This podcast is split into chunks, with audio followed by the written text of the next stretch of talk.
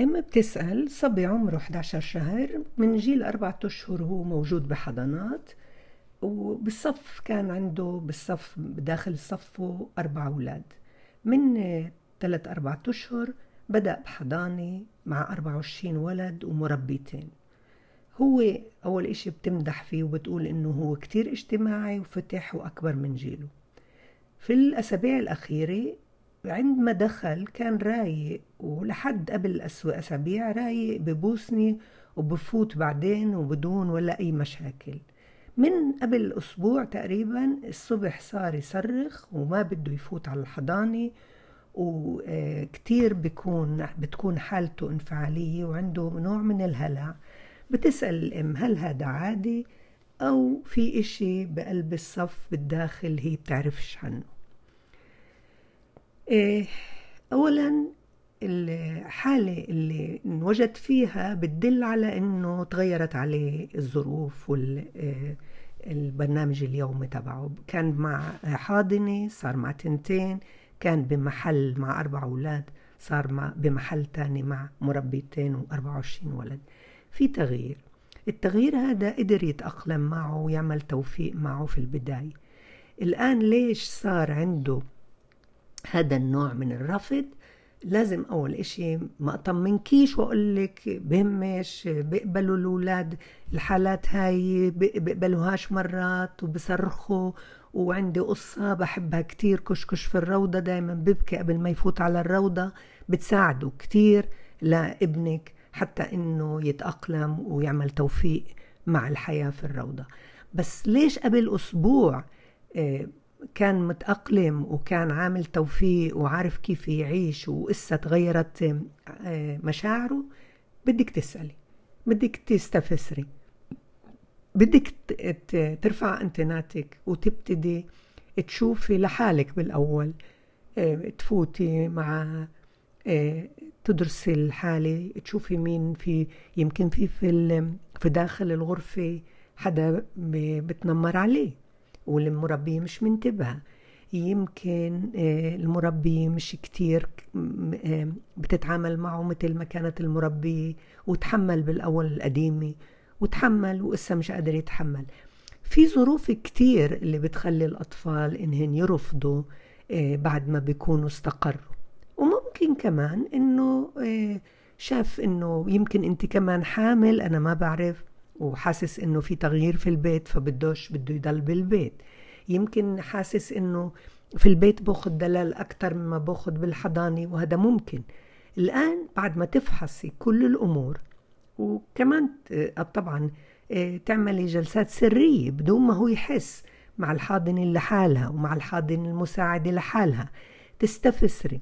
تيجي مرات بدون ما يكون في الموعد اللي متعودين عليك فيه انت بتيجي بتاخدي هذا الصبي بتيجي قبل.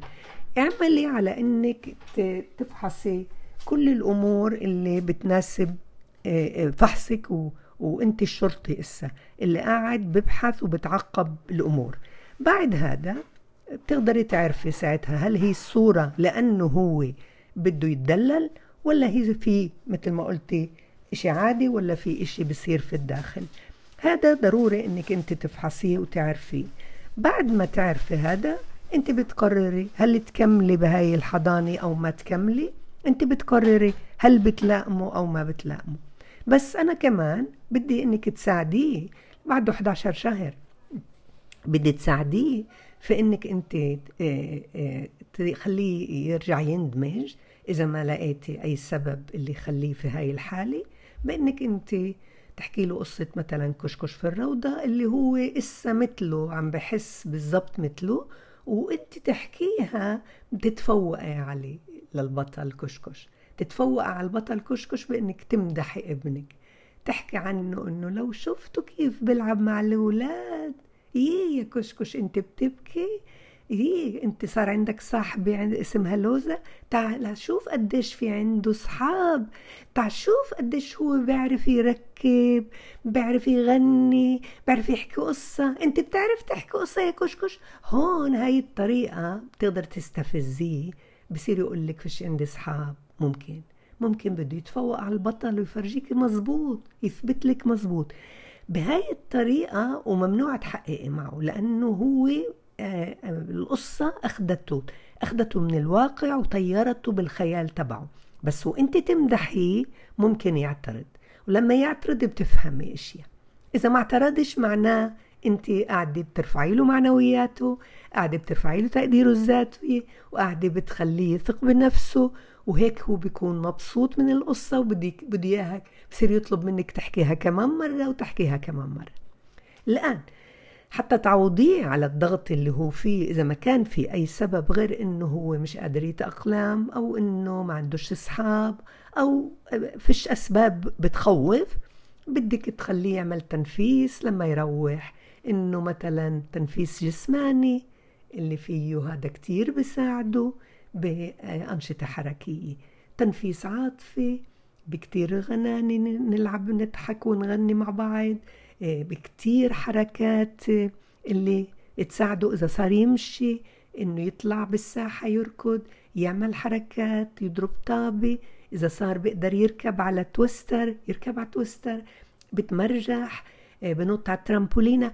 كل الإمكانيات بأنشطة حركية بتساعده على إنه ينظف ينظف ضغوطه ويفوت أكسجين لجسمه ولعاطفته. وناحية العقلية نتحذر حزازير إشي أخضر كروي بقلبه إشي أحمر مين بحذر مين بحذر. كل ما يمكن إنه أحذره أخليه يركب بازل يركب ألعاب كتير هذا كمان بساعده. وقبل النوم مهم كتير إنه يا أنت يا البابا نقعد جنبه ونخليه يحس أمان وإطمئنان وفي حب دايما دايما. وفي أمان واطمئنان دايما.